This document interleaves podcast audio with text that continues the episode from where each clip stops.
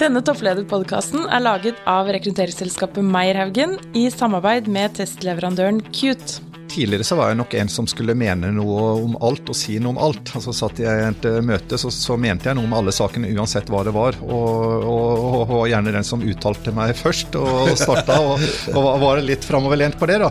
Men er klart, altså, som konsernsjef så er jeg jo bevisst på å være faktisk litt mer bakover og la fagfolkene prate, og kanskje være den som uttaler meg sist når vi diskuterer noen vanskelige saker. da.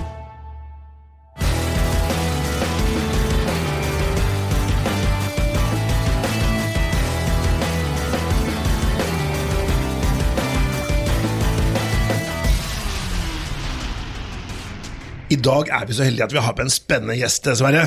Ja, det, det er Tada. Geir Inge Stokke. Veldig veldig hyggelig å ha deg her, Geir Inge. Velkommen. Takk skal du ha. Jeg ja, syns det er spennende å være her. Ja, så hyggelig, så hyggelig Og vi har ordentlig glede av oss. Eh, men Geir Inge, for de som ikke kjenner deg personlig, da, hvor er det du er toppsjefen? Jeg er toppsjef, da, hvis du kaller det det, konsernsjef i Coop Norge. Eh, Coop er jo en stor, viktig aktør i det norske samfunnet. Vi jobber jo mye med dagligvare, og en 30% markedsandel på dagligvare. Og vi har en 35% markedsandel på byggvare til privatkunder. Ja, for dette dagligvarebransjen det skal vi komme litt tilbake til, men det er noe alle nordmenn har en forhold til. For alle handler jo i butikk, i hvert fall de aller fleste. Og så er du da på om du er gul eller blå eller grønn eller det er disse fargene. Ja, vi alle er opptatt av mat. Vi, vi, spiser jo mat, og vi bruker 180 milliarder i mat hvert eneste år. Så det er klart at det, det er et stort marked, men et konkurranseutsatt marked. Og et marked hvor vi er egentlig tre store aktører da, med salg til sluttkunde. Mm. Men jeg, jeg, må bare spørre veldig kjapt først. Geir eller Geir Inge? Geir Inge pleier flesteparten å si til meg. da holder vi oss til Geir Inge. Da er det Geir Inge. Men Geir Inge, vi er jo interessert i å bli litt bedre kjent med deg. Så hvis jeg skulle møtt deg på eh, fest en gang, da, og så hadde jeg kommet bort til deg og sagt du, hva mener du om et eller annet. Hvilket tema hadde du bare sånn Å, favorittemaet mitt! Det kan jeg prate om hele kvelden på inn- og utpust. Hva slags tema skulle det vært? Det hadde jo fort vært Coop, da, med det ja, ja, ja. Nei, altså Nei, gadget. Gadget syns jeg er veldig morsomt. Ah, og det å koble av med litt med nye ting og teknologiske ting, og koble det sammen, og så sette det sammen, det er veldig, veldig bra avkobling. Så, som et type duppeditter-gadgets? Altså. Duppeditter altså. og uh, alt fra lys som du kan styre, eller garasjeporter og Fordi jeg beit meg merke i da Geir Inge kom inn her i stad, Petter, så ja. kommenterte han på disse Remarkable-tabletene som vi bruker. Og så sa han ja, de har jo fått litt blandet kritikk. Så tenkte jeg ja, han var da oppdatert. ja, ikke sant? Og da var det grunn til det, kanskje? Ja, det er, jeg liker å holde på med sånne ting. Så det er, det er litt morsomt og utrolig avkobling, da. Men det må spørre, da. Akkurat nå, hva er liksom det kuleste gadgeten da? Nei, altså Det jeg syns er morsomt, er jo å sette det i en sammenheng og få ting til å skje hjemme. sånn der, Hvordan du styrer hjemmet effektivt. Sånn smart hjemtankegang? Ja, smart hjem, men, men så er det, og så skal det ikke bare være fun og morsomt, det skal liksom funke i hverdagen. Og ja, det er eh, den, den, kombinasjonen Jeg har prøvd mye rart, men stort sett så funker det ikke i hverdagen. da. Ja, men, der har jeg faktisk en litt personlig historie å dele. og det er, vi, har, vi har gått over på sånn der Harman Kardon lydanlegg hjemme, sånn multihøyttalergreier. Ja. Ja. Og så har jeg satt en høyttaler nede i gangen. Uh, og så har jeg lurt på Er det verdt noe å ha der, det er ikke så ofte jeg er der, osv. Men så har den jo sånn der Google Assistant-funksjon. Ja. Mm. Og den har jeg fram til nå nylig tenkt er helt ubrukelig. Men så har jeg oppdaget at man kan jo spørre om værmeldingen. Ja. Så og fram til nå så har det vært sånn at barna mine hver morgen roper de opp fra gangen sånn 'Pappa, hva slags vær er det meldt i dag?' Men det har de slutta med, for nå sier de bare 'Hei, Google, værmelding'. Og så ja. kommer Google med værmelding. Nei, det, det, funker. Jeg har jo dratt den litt sånn lengre og hatt en sånn der eh, programmering av lyspære hjemme. Da, sånn at når det blir regnevær, da lyser det blått ute i stua, og når det Oi. blir sol, så lyser det rødt. Men, er det noen sensorer og sånt på vær? Da, ja, nei, så da eh, kobler du det sammen med, med, værmeldingene, og så får du det til å slå, slå lys og skifte farge med hu. Da, så, så det, det, er, veldig enkelt. Det, det finnes veldig mye sånne fine apper som du kan skru sammen. Og så er det ikke like populært da, når det lyser rødt i stua og kona ser, mener det ser ut som en torus. Da, men, det, er noen nedsider også, men det er ordentlig gøy å holde på med. Det er plusser og minuser med teknologien. Ja, da. Men eh, vi tenkte vi skulle gå til disse tre kjappe, Sverre. Ja, vi skal på slutten på, si på slutten av sendingen Så skal vi spørre deg om, eh, om et, Eller vi skal gi deg tre kjappe spørsmål. Mm. Da skal vi spørre deg om et uh, tips på en kilde til inspirasjon. Mm. Vi skal spørre deg om et tips for balanse, altså work-life balance. Og så skal vi spørre hva bør man absolutt unngå som toppleder? Altså beste tips, Største tabben man kan gjøre som toppleder. Ja. Og det skal vi da svare på eh, på slutten av sendingen. Og da, men dere lyttere kan også tenke litt sånn Hva hadde dere svart hvis dere var i Geir Inge sitt sted? da? Men nå skal vi da gå over til dette her å være toppleder. Og, og Geir Inge, du er jo da konsernsjef for Coop. Mm. Eh, Coop er jo som sagt en ting som de fleste har sikkert vært der og handlet. Men hva er, forteller fortell litt om Coop har jo en spesiell historie og en spesiell eierstruktur. Hva er det som er forskjellen på Coop og de andre store kjedene? Jeg ville ha sagt alt, men, men, det er klart Coop er jo eid av våre kunder. Eh, ja. og det er 1,7 millioner kunder som eier Coop, og det er ganske forskjellig. da. Og Den gangen Coop ble etablert, så var jo det faktisk noen vevere i England som etablerte det. Eh, de jobba på veveriet, og hver gang de slåss for å få høyere lønn, så skulle bedriftseierne opp eh, prisene i butikken. For de eide butikken også? Ja, for eierne av veverne eide også butikken og skrudde ja. dette opp. Ja. og så fant de ut at nei, nå var de lei å bli snytt ja. her. Og da åpna de en egen butikk som de drev sammen, og så delte de overskuddet etter hvor mye de handla. Spennende. Og da fikk de kontroll over produktene, og de fikk også kontroll over kvaliteten på produktene, for de var jo ofte da vanna ut eller eh, blanda ut med et eller annet. Så det er starten på Coop, og det er faktisk hele grunnlaget i dag også. Det at de som handler i Coop, de får sin del av overskuddet. Ja, Men hva slags praktiske konsekvenser? For jeg tenker at øh, øh, det er viktig for dere som jobber der. Men la mhm. oss si for de som øh, handler, da er det, vil det oppleves forskjellig? For kanskje sett utenfra, da. Vi har jo prata om de fire store, og vi har prata om kanskje rekrutteringsselskaper. Så sett utenfra så virker kanskje dagligvarebutikkene ganske like, eller er det bare for et utrent øye? Ja, vi, vi ønsker jo å være tydeligere og synligere mer, og det er jo mange som ikke vet at eh, når de handler i Coop, da, som for å prate om eller overskuddsdelinga, som ikke vet at det, eh, her får du din del av overskuddet. Men, men, det er jo klart det er jo stor forskjell å få din del av overskuddet enn at det går mange millioner ut til to private eiere som, vi, som er våre konkurrenter. da. Så den ene, og så har du jo da innflytelse i organisasjonen. Du kan jo da være styremedlem, du kan være på årsmøter, og, og kan få lov til å være med å påvirke på en helt annen måte enn det du gjør hos våre konkurrenter. Ja. Og Så prøver vi jo da å lage et univers for våre 1,7 millioner eiere, som gjør at de får også andre fordeler av enten rabatter på bensin, eller de kan kjøpe billige hotellkupp osv. Så, videre, og så, videre. så det er jo noe med å tra kundene til seg. og Når de skjønner at dette er min butikk, dette er mitt samvirkelag, men er, er, det liksom, er, det liksom, en realitet? Er det det det er? Det er det det er. Ja, fordi Jeg har liksom alltid tenkt at det er litt sånn bare sånn gadgeteri. Nei, dette er, eh, dette er reelt og, og virkelig. Ja. Eh, og så er det noe med å klare å fortelle det ut. ut da. Derfor har vi jo prøvd å gjøre det visuelt via reklamefilmer osv. så ja. Sånn litt ditt er det dere som, dere som har det? Det er oss, vet du. Ja, så eh, vi, vi, kan ikke kjøpe som om en amerikaner rik ja, den. Reklamen, så, husker jeg så for et års tid siden, hvor det var borti Silicon Valley. At, ja, ja. ja, det er var, den morsom, den. Ja. ja det, det, er interessant. Og det er faktisk veldig ja, For meg litt øyeåpner å, å se at det er reell, realitet. Jeg husker jo når jeg bodde jo på Notodden da jeg var liten, og da var det jo sånn, det som var sånn blå-hvite produkter. Altså Alle pakkene skulle være sånn blå-hvite, sånn uniforme, nesten sånn. Skulle ikke bruke penger på design og innpakking. Nei, det stemmer, det. Og det, det var jo starten på det som vi da kaller egne merkevarer. Ja, ja. Var, Coop var først ute der også. Etablerte en serie. Ja. og sa at nå skal vi ikke bruke kroner på markedsføring på disse produktene produktene, og derfor kan vi selge de billigere. Og så, og, så, lanserte vi da den blåhvitserien, da.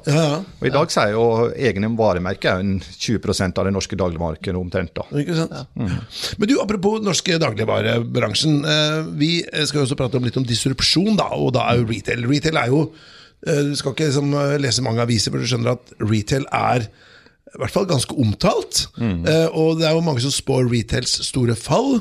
Um, er det sånn uh, Er det fakta, eller er det bare skremselspropaganda?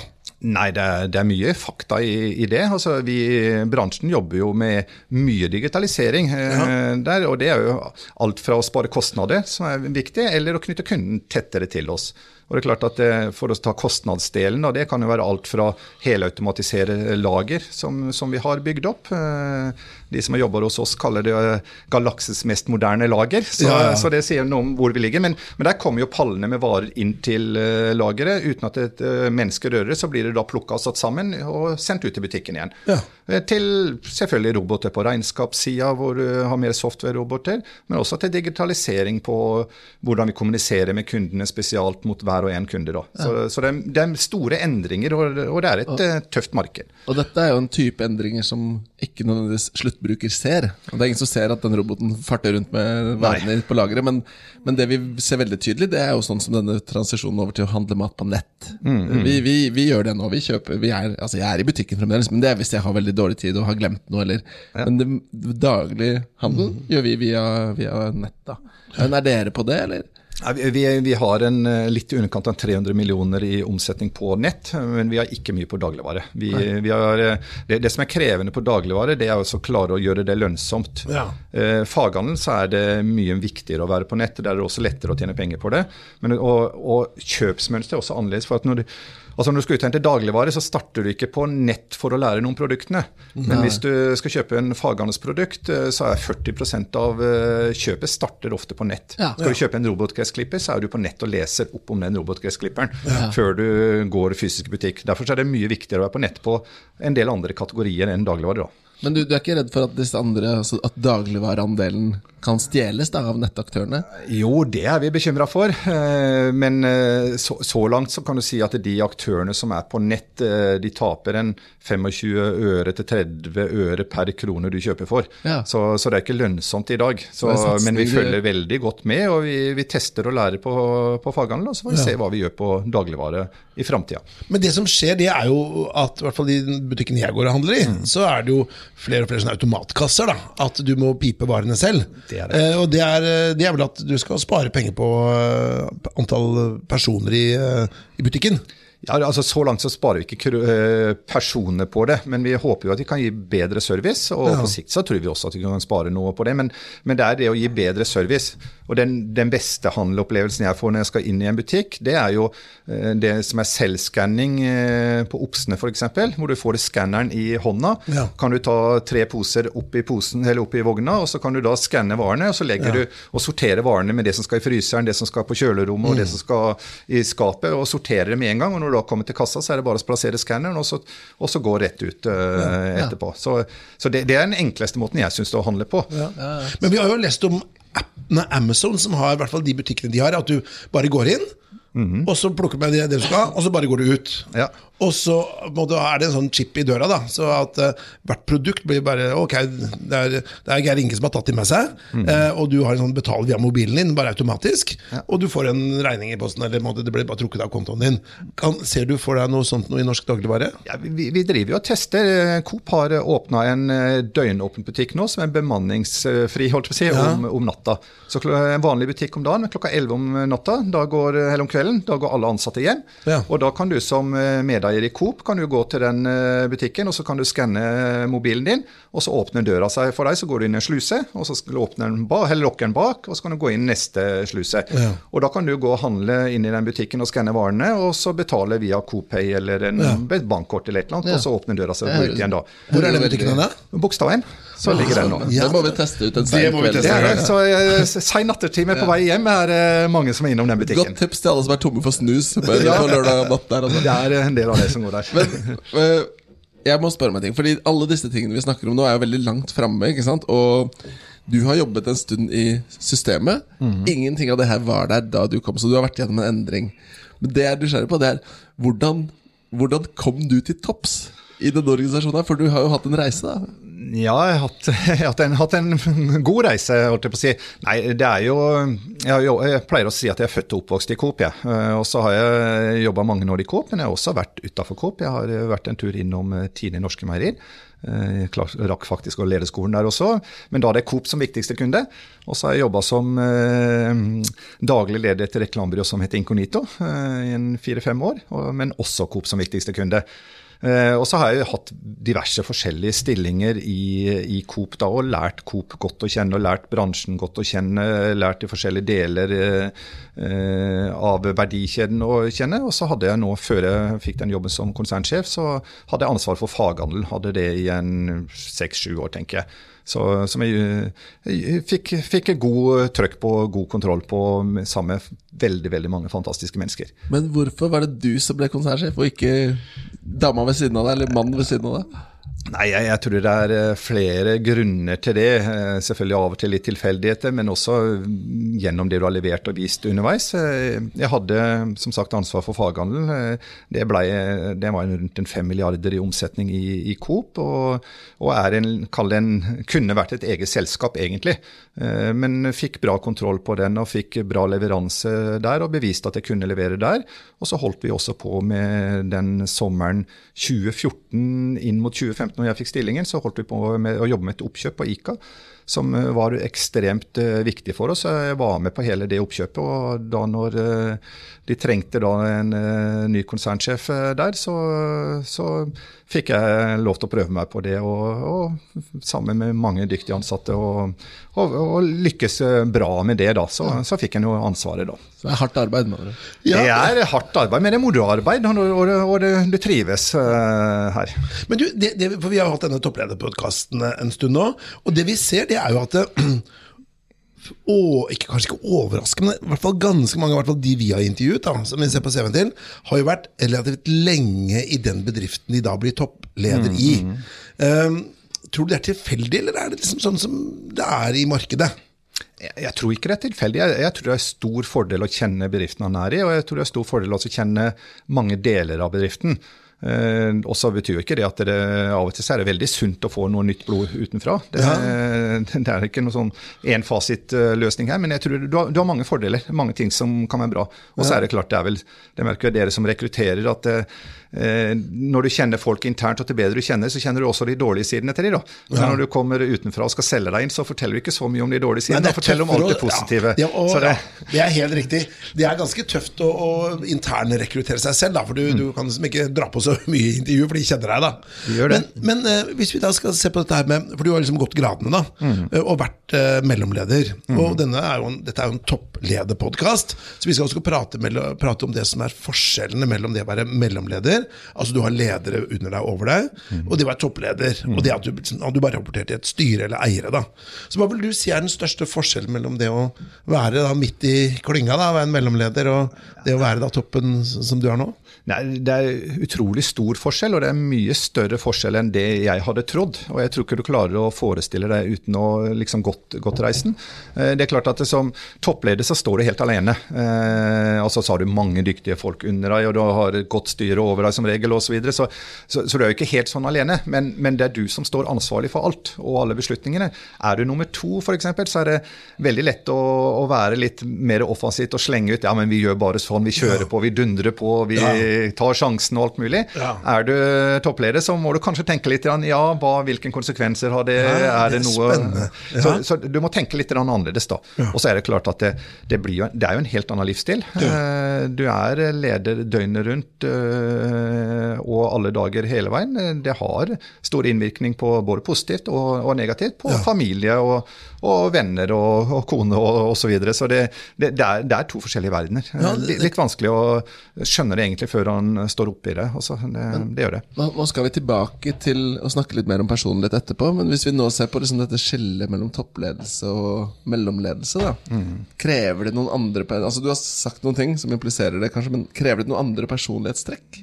Å lykkes og trives som toppleder? Jeg, jeg, tror, jeg, tror, mye, mye er likt, og mange ting det skal være. Men det er klart at du du, du, du, må nok være litt røffere. Du må nok eh, tåle litt mer. Eh, og så er det klart at det, knapphetsfaktoren din, det blir alltid tid. Eh, det er sånn at du, du prioriterer råere og råere og hardere og hardere. Eh, og det, det, det, er to forskjellige ting. Altså, jeg må jo innrømme at Tidligere så likte jeg å alltid svare på alle mailer jeg fikk, og alle henvendelser, alle beskjeder og alt mulig. Men uh, som toppleder så, så, klarer du ikke det hvis jeg ser på alle meldingene som drøsser inn på linken eller på mail eller kryss og tvers så, eller kommer på telefonen. Så, så, så da, da, gjør jeg ikke annet. Nei. Så du, du, må filtrere bort og, og, klare å leve med det. Ja, ja. Og det er Eh, litt, litt eh, Denne tiden er eh, Det føles kanskje litt urettferdig å ikke få noen flere timer i døgnet, men der er verden rettferdig. Vi har 24 timer i døgnet. Man får høyere lønn når man får ikke flere timer i døgnet. Nei, nei, nei, jeg kunne gjerne bytta litt der,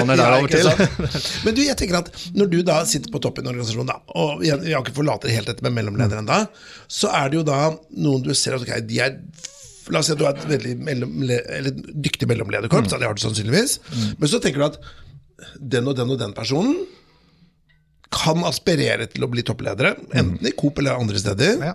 Mens den og den og den personen de har nådd liksom toppunktet sitt, i hvert fall innen denne bransjen. Ja. Er, det, er det sånn?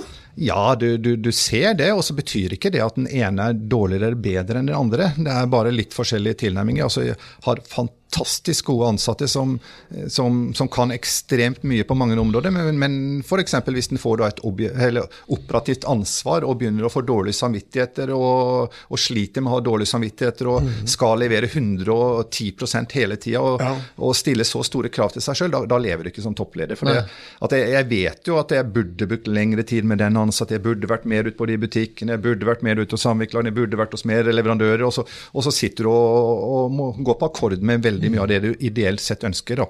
Og, og, det, er, det er krevende, og det må du nødt til å leve med. Hvis ikke så blir du ødelagt. Så, så egentlig, da, hvis jeg skal prøve å, som det heter på godt norsk, paraphrase mm. det du sier, da, så handler det litt om å klare å gjøre ting good enough og ikke perfect? Eller ja, det, det er ja det, det, dessverre er det, det, er litt fælt å si ja på det. Ja, ja men det men, er jo sant, da, fordi det er tiden som du sier som knapphetsfaktor. Ja. Og, og, og, da er det jo da ekstremt viktig å ha gode ansatte rundt seg. Gode konsernledelsen og gode nedover i organisasjonen som faktisk kan sørge for at det blir perfekt, og sørge for å levere tingene.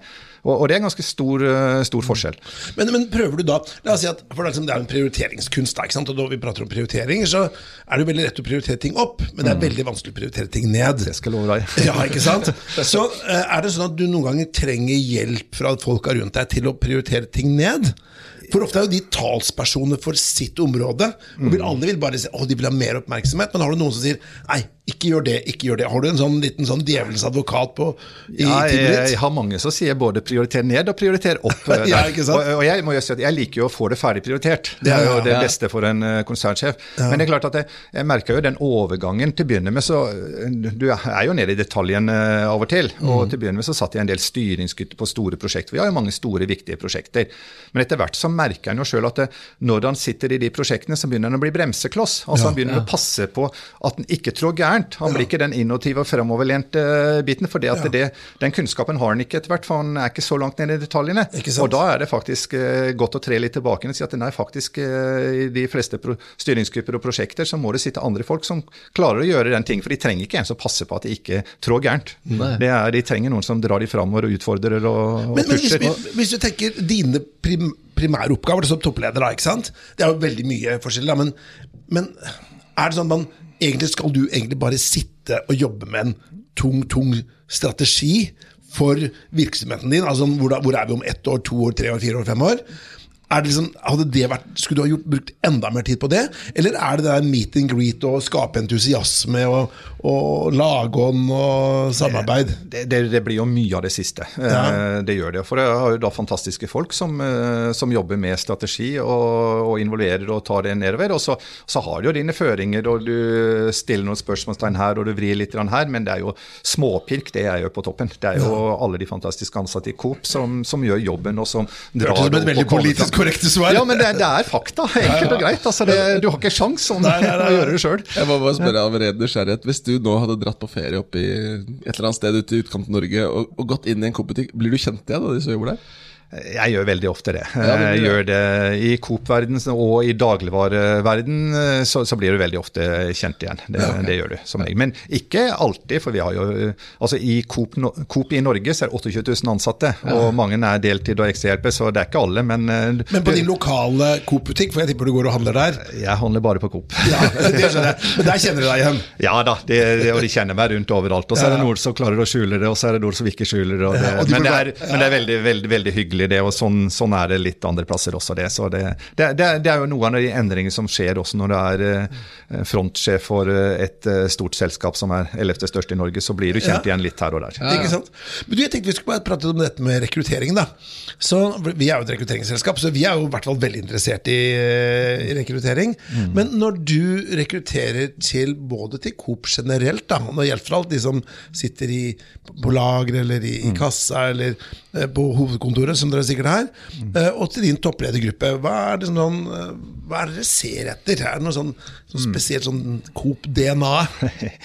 ja, vi, vi, har nok mye Coop-DNA. og så var Det altså det du ser, først er jo faget. Sant? Ja. Du må kunne faget. og du ser jo På område til område så er det jo mer og mer spesialister. Altså, tidligere så kunne du være generalist og gå inn i dagligvarebransjen eller byggbransjen og så kunne du jobbe mm. hvor som helst i organisasjonen. Nå, nå er du spesialist. Du er ikke spesialist på IT, du er liksom spesialist på EDI eller en liten ja. snever sak. Og, ja. og, sånt er det på, Ikke spesialist på logistikk, men kanskje spesialist på prognosesystemer eller eh, osv. Så, videre. så Så faget er jo viktig. Og så er det klart at vi ønsker jo folk med gode verdier uh, her, uh, som er ærlige, har er stabile og strukturerte osv. Og, så og så varierer det litt fra stillingsområde til stillingsområde. Da. Men vi har Altså, det er enormt mange som har lyst til å jobbe i Coop. Og ja. der ser vi har skjedd en endring de fire-fem siste åra. Altså når vi lyser ut stillinger nå, enten det er i butikk, så har du gjerne 400-500 stillinger, eh, eller søkere på det. Ja. Men også når du søker på en prosjektleder eh, der, ja. så har du alle konsulenthusene og de mest uh, populære konsulenthusene der. De, de, søker jo på jobb i, i, i Coop, enten BCG eller EU eller uh, osv. Det er imponerende, da.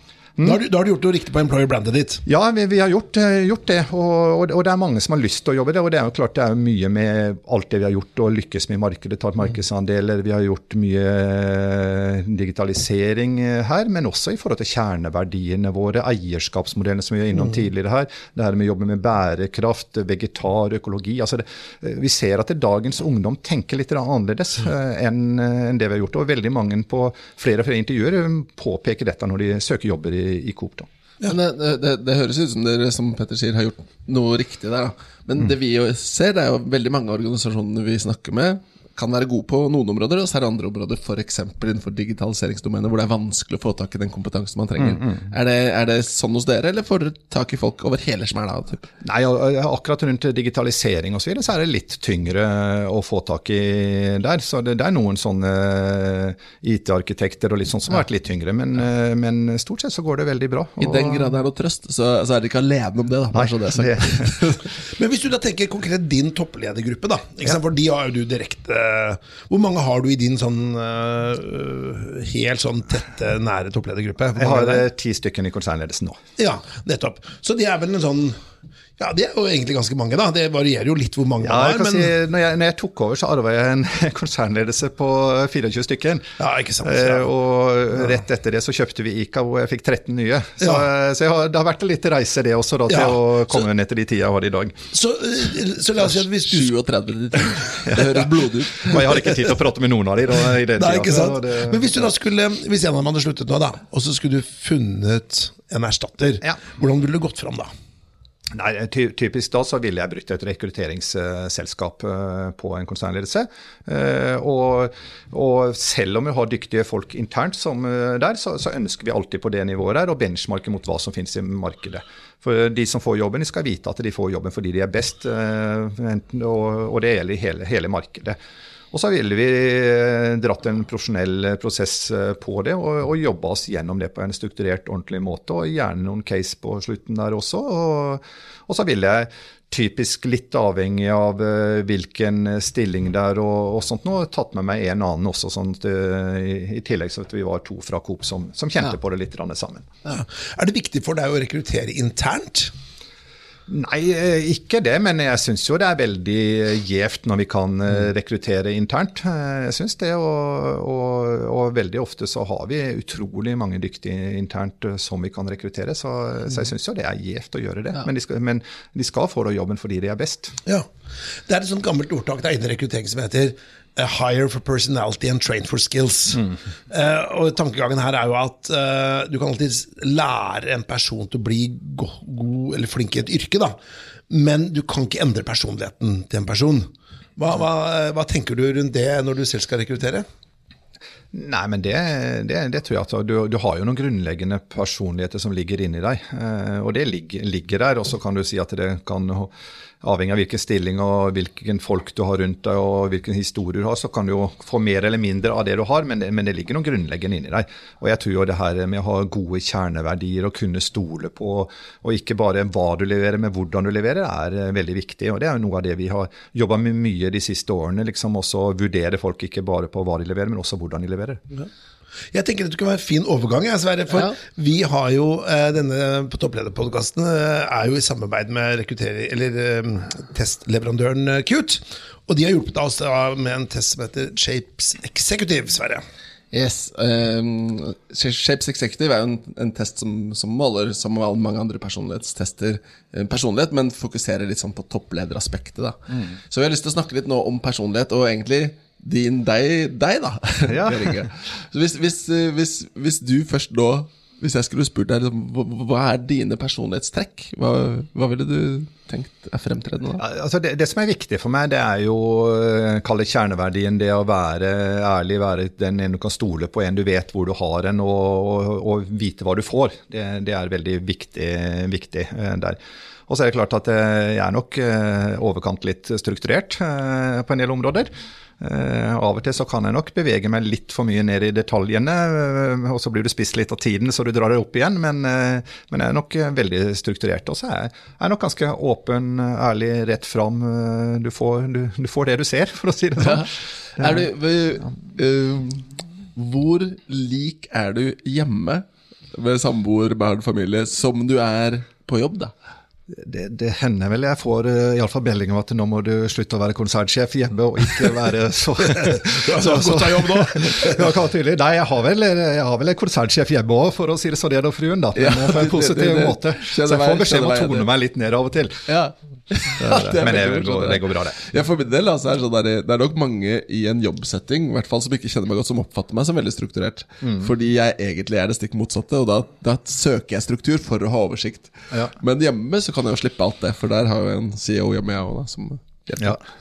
Ja, og hun er ekstremt flink. Det må Vi si. Vi må ha en liten shout-out til uh, Eili her. Ja, men det er jo en gjenganger i omtalt rett, rett som det er i Ja, det er, det er vi Code og ekstremt flinke, altså. så, så vi ikke litt. Eh, ok, men hvis vi, hvis vi Jeg har lyst til å gå litt inn i noen av disse trekkene i denne personlighetsmodellen Shapes Executive fra Qt.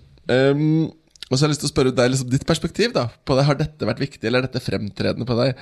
Hvis jeg spør deg da Er du en hensynsfull person? Ja, det vil jeg sagt at det er. Ja. Jeg tar hensyn til de folkene. Jeg liker at folk skal trives på jobb, ha det gøy på jobb og, og synes det er spennende på jobb. Ja. Så, så det, det, det, er, det er viktig. Har du, tror du det har vært, en, har det vært medvirkende til Vi snakket i stad om liksom, hvordan, hvorfor ble det deg, da? Ja, altså jeg, jeg er jo en person som, eh, som liker å, å møte mennesker, liker å prate med mennesker og, og liker å være rundt omkring i Coop da, og, og, og hilser og prater på alle, enten du er eh, kall det vaskedame, eller du sitter i kassa, eller du er eh, bestyrer eller leverandør, eller hva, hva du enn er, så, så skal vi, vi, skal være, vi skal være åpne og ærlige, og vi skal kunne kontaktes og prates med og mene noe også på vegne av våre 1,7 millioner medlemmer. sånn at f.eks. når media tar kontakt med oss, så, så vil de oppleve at Coop eh, er interessert i å snakke med dem. Vi, vi skal svare på både vanskelige og, og lette spørsmål. Det er jo av og til noen som ikke tar telefonen når du får vanskelige spørsmål, men vi, vi skal være tilgjengelige uansett. da. Ja. Og da er vi tilbake kanskje til det du sa om åpenhet og hel, hel, Eller hel Ja, vi er jo eid av forbrukerne, sant? og da skal vi, det som er bra for forbrukerne, skal også være bra for Coop. Og, og da skal vi være såpass åpne og ærlige at vi også kunne prate om de vanskelige sakene. Da, for det er jo av og til noen vanskelige saker. Ja. Men bare en sånn kjapt spørsmål her. For denne Shapes Executive, da, disse personlighetstestene til Qt, de er jo laget sånn at, at du, du det er liksom, som man sier, det er grøfter på begge sider av beina. ikke sant? La oss si alt som går på, på hvis du er la oss si, eh, ja, utadvendt, så kan det være liksom fordeler og ulemper med det. Er du liksom eh, engasjerende? Har du, mye, har du mye energi? alt mulig, ikke sant? Så la oss si eh, dette med vennlighet, da, som vi pratet om det. Eh, kan det ha en skyggeside? Kan det være negativt å være for vennlig også? Ja, det, det, kan jo være det, for av og til så må du jo trå ned litt og også være litt sint og irritert, holdt jeg på å si. Da. Så det, men, det, men det er jo sånn det, er noen plusser og minuser med oss alle, og så gjelder det da også å sy sammen folk rundt deg som klarer å kompensere for de plassene hvor du er svakere, og det gjelder også å ha forskjellige typer mennesker rundt deg som også kan eh, tenke litt annerledes enn deg sjøl. Det er jo behagelig i det og ha bare ja-mennesker rundt deg som er helt like deg sjøl, men eh, over tid så er ikke det bra for verken meg eller eh, de rundt meg. Du hadde jo Ja, sorry? Nei, nei, jeg, spørre, jeg har lyst til å spørre om Ofte så er det jo sånn ikke sant, gjennom en karriere, gjennom et liv, Mm. at man har noen sider ved seg selv som man helt klart ser er fordeler, og så er det av og til også noen ting man må jobbe med. Ja. Hva, hva for din del, da, opp igjennom, hva har vært dine ting som du personlighetsmessig har måttet jobbe med? Nei, altså Tidligere så var jeg nok en som skulle mene noe om alt og si noe om alt. Altså Satt jeg i et eh, møte, så, så mente jeg noe om alle sakene uansett hva det var. Og, og, og og gjerne den som uttalte meg først og starta, og, var litt framoverlent på det. da. Men er klart altså, som konsernsjef så er jeg jo bevisst på å være faktisk litt mer bakover og la fagfolkene prate, og kanskje være den som uttaler meg sist når vi diskuterer noen vanskelige saker. da, For å få fram flere perspektiver på det. Og det. er et bevisst Det er veldig veldig bevisst. Så, og så kan du si at når en da hopper ut og er, sitter i andre styrer eller andre fora, så plutselig så er det jo det andre tilbake igjen, hvor en da er den som er framoverlent og svarer først og sier noe først. da. Så får du lov til å spille ut det, da. Ja, ja. Men det er jo ganske bra ledertriks, det òg. Jeg merker jo også det i de gangene jeg har vært leder eller jobba med prosjektledere, egentlig kanskje hjemme òg, den saks skyld, at man ikke alltid må tone flagg, alltid sette en agenda. Man lytter litt mer, da, og så konkludere i etterkant. Jeg tror det er viktig, og kanskje spesielt som, som leder på forskjellige nivåer eh, når du har folk rundt. For det er klart at som leder så ser jo mange på deg, og, Ja. og det er jo ikke alltid at vi Og ofte vi ikke har fasiten. Ja. Så, det, så det, og det er klart at hvis du da eh, tegner eh, og sier retningen før folk har fått lov til å uttale seg, så, så er det kanskje noen som ikke sier eh, sin mening. og der og Da er det viktig å få fram de andre synspunktene først. da. Men nå, nå skal jeg komme med en litt sånn revolveranalyse her. jeg si, hvis, hvis jeg hadde møtt kompisgjengen din, da og så hadde jeg gitt liksom Sånn som jeg oppfatter Geir Inge, så er han sånn her. Og så, og så er jeg nysgjerrig på Hva tror du de hadde sagt? Da hadde de vært enige eller uenige. Da Hvis jeg hadde sagt at Altså jeg mener at Geir Inge han er For det første så er han en veldig nysgjerrig person.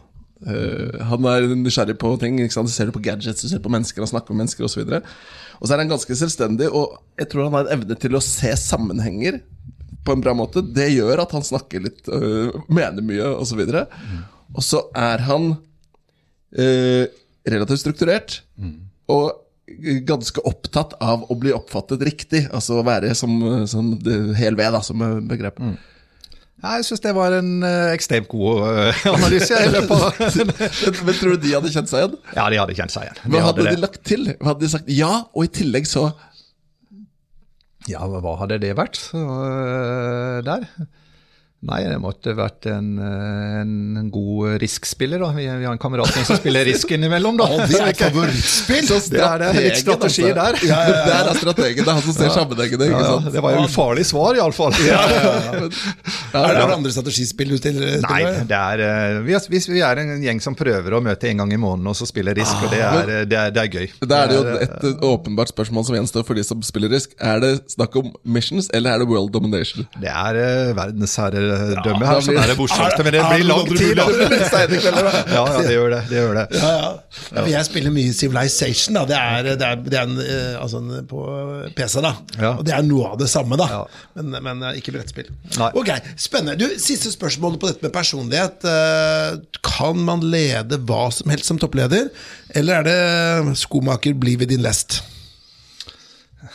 Jeg tror både pose og sekk. Jeg tror det er veldig avhengig av situasjonen. Eh, altså det, det er klart at det å ha bransjekunnskap, ha kunnskap om selskapet, er veldig veldig store fordeler. Men av og til så kan det også være fordeler å komme utenfra og være en helt annen bransje og ta med deg bransjeegenskaper, eller noe fra en annen bransje da, inn i en ny bransje og stille andre spørsmål. Og, så, det, så det har noe med hvor er selskapet, hvor skal den, hvilken vridning er det nå, er det en transformasjon det skal gjennom, er det noe kostnadsbesparelsesprogram det skal gjennom, osv. Så, så det, jeg tror ikke det er én fasit, jeg tror det er eh, mange fasiter på det. og det det, det er klart Av og til så kan det være veldig spennende å få inn eh, noen aktører som ikke kjenner en bransje inn, men da skal du ha noen egne verdier, og du skal ha en god organisasjon som, som kan hjelpe til å levere. Da. Ja, kunne, Ser du for deg, kanskje litt sånn sensitivt spørsmål, da, men teorien, ser du for deg en karriere utafor Coop? Nei, altså Jeg føler meg veldig Coop-mann og føler meg veldig hjemme i Coop. ja, så jeg, og så har jeg liksom, jeg har alltid vært sånn at jeg, jeg har alltid trives i de jobbene jeg har vært. Jeg har ikke vært noe bevisst på egentlig på noe karrierevalg hele tida. Jeg har liksom eh, fått utfordringene og syns det har vært morsomt og trives i det. og Jeg, synes det, jeg, jeg tror det er utrolig viktig å trives på jobben og ha det gøy på jobben i de stillingene her. Og så kommer det stort sett alltid da utfordringene til deg, eller du dukker opp i en eller annen opplegg. Så, Ja. så jeg, jeg føler meg ordentlig som en Coop-mann. Bra. Bra. Så bra. Skal vi ta mm, gå inn for en landing med de tre kjappe, eller? Jeg tenkte det. Vi har jo det non-profit-spørsmålet vårt, selvfølgelig. Uh, og jeg tenkte at uh, hvis da du kunne blitt leder for en non-profit-organisasjon, da Mm. Uansett hva det skulle være, hva skulle det vært? Tja, vi, vi, Coop har jo samarbeid med mange. og Med en gang så tenkte jeg kanskje at Kreftforeninga er jo noe som, uh, som, treffer veldig mange selskaper, eller mange personer rundt omkring. Men samtidig så vi har et samarbeid med Røde Kors som jeg er veldig veldig stolt av, som heter Ferie for alle. Hvor vi faktisk hjelper barn. med blant annet med, altså Det er jo 100 000 barn i Norge som lever under fattigdomsgrensa. Og mange av de har jo faktisk ikke økonomi til å være med i idrettsforeninger, mm. fotballforeninger.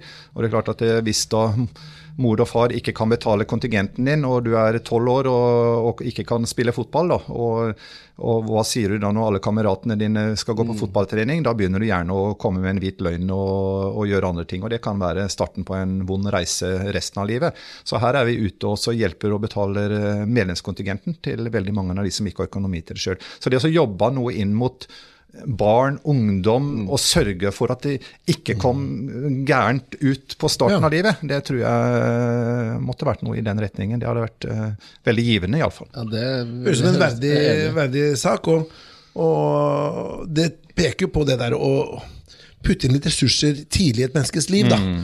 Og få det i riktig retning. Ja. Så er mye gjort. Ja, jeg, jeg, tror det. Og jeg tror det nesten, hvis du hadde spola tilbake i alle menneskers liv, hvis du hadde klart å gripe fatt i det tidlig og, ja. og, og hjulpet de og rettleder de, så hadde ja. mye vært gjort all over. Og så er det krevende med mange, men, eh, men eh, det er utrolig viktig. Ja. Veldig, veldig bra. Ja, det syns jeg var en god sak. Men vi har disse tre kjappe, Sverre. Og har du Geir Inge, har du fått tenkt litt på de underveis, eller har du klart å multitaske såpass? Dere har vært så ivrige at jeg har ikke rekt å tenke noe i det hele tatt. da, må, da, må, vi bare ta det wing it, holdt på Første spørsmål er Hva er den største tabben man kan gjøre som toppleder? Nei, Det tror jeg er å ikke stole på sine ansatte og la de ansatte få lov til å slippe fram og dra energien og pushe organisasjonen. Ja, Bra. Um, og så noe som kan være nyttig for kanskje, selv om man ikke er toppleder. Hva er ditt beste tips for work-life balance? Tja, jeg veit ikke om jeg er den som skal gi så mye tips her, da. Det, det, Blir det plass til i glasshus, eller? Ja, det, det, er jo det. Nei, altså, jeg tror det er viktig å finne noen plasser, eh, hvis en prater for seg sjøl, og, og, virkelig koble av. Eh, det å ha en plass hvor du ikke tenker jobb, eh, det, tror jeg er viktig. Og det, kan være med å holde på med gadget, som vi var innom tidligere. Eller det kan være å reise på hytta og male en vegg, eller slå ned noe, eller et eller annet sånt. Noe. Det, jeg tror, tror, det er viktig å ha en plass hvor du klarer å nullstille deg. Og jeg tror også det er viktig å kunne da møte kamerater. Vi var innom Risk-spillet her. eller ja. det, det, er noe å finne noen andre arenaer, for det er jo, du er jo på jobb med hodet 98% av tiden, liksom. Så, ja. så, det, så, det, tror jeg er viktig og krevende. Og så er det jo klart det er jo noe med å prøve å tråkle ned og ikke leve Coop-verden eh, privat også hele, hele tida. For det, det, er jo ikke tvil om at av og til blir familien syns det er litt for mye jobb. Og, jobb. Ja, ja. Så det, det, er, det, er, men det, å være konsernsjef, det er en livsstil. Og det, treffer også familien. Og, og du, du, tipper nok over uh, de grensene litt for ofte. Det, gjør du nok. Ja. men liksom personlig her, føler du at du jobber for mye? Jeg syns jo det er gøy å jobbe, men det er klart at eh, jeg skulle gjerne sagt at døgnet for meg var 26 timer istedenfor 24. og så kunne jeg få Eller to timer. Eller å jobbe litt. Eh, for ja. eh, jeg husker Ibsen han har et sitat at ikke forbann tiden. Nei. Hadde den vært større, hadde du vært mindre. Ja, det, det, det er, Men det jeg pleier også å si til mine ansatte, det er at det, eh, livet er rettferdig. Det er 24 timer i døgnet, eh, ja. og alt handler om prioriteringer. Ja. Sånn at du, du, får ikke flere timer i døgnet, så du må prioritere. Og, og det er også sånn at det, hadde jeg tatt fra meg sjøl eller min, noen av mine gode kollegaer, så tatt fra de ti viktigste oppgavene, ja. så tror jeg fortsatt jeg hadde jobba like mye. Ja. Så, så det, ja, du, du blir dratt inn i en livsstil som, som består av mye jobb. Man får, no, man får, noen vaner på det. Det er et godt poeng, det. Altså. Han gjør det. han gjør det. Men vi har et en siste, siste spørsmål til deg. Og det er hvis du skulle gi lytterne våre et tips på en kilde til inspirasjon som har vært viktig for deg? Ja, det viktigste inspirasjonen jeg får, det er egentlig med, med de ansatte. Altså det også, når jeg da klarer å gå litt rundt omkring og prate med ansatte på en, på en, litt annen måte. Ikke den jobbmessige måten eller møtemessige måten, men også småsludre litt. Og det, det kan være for at du kaller julebord, du prater jo jobb der, eller det kan være at du møter noen ansatte en eller annen plass eller ute i butikk. altså Når du får det litt sånn uformelt, da, ja. da, da får du mye, mye, tips og gode ideer. Ja. Så, så, da oversetter jeg det til det Tipset til dere der ute er altså vær nysgjerrig og snakk med folk. Det er alltid et godt tips. Ja. veldig, veldig bra. Tusen takk. Geir Inge, jeg må si at det har vært en glede å ha deg i studio. Veldig ja. spennende både å lære om uh, Coop og lære om retail og bli bedre kjent med deg. Ja, det må jeg si. Og jeg tror de har vært uh, veldig heldige med en flink konserndirektør i Coop. Så jeg gleder meg til å følge deg videre i karrieren. Takk skal du ha. Så har jeg vært heldig med 28 000 ansatte som er rundt omkring i Coop-systemet òg, Ja, ikke sant? Og sånn svarer en people's person, det vil jeg si. Men tusen takk for i dag. Tusen, tusen takk. takk. Har du innspill eller kommentarer til denne podkasten, kan du sende en e-post til toppleder at meierhaugen.no.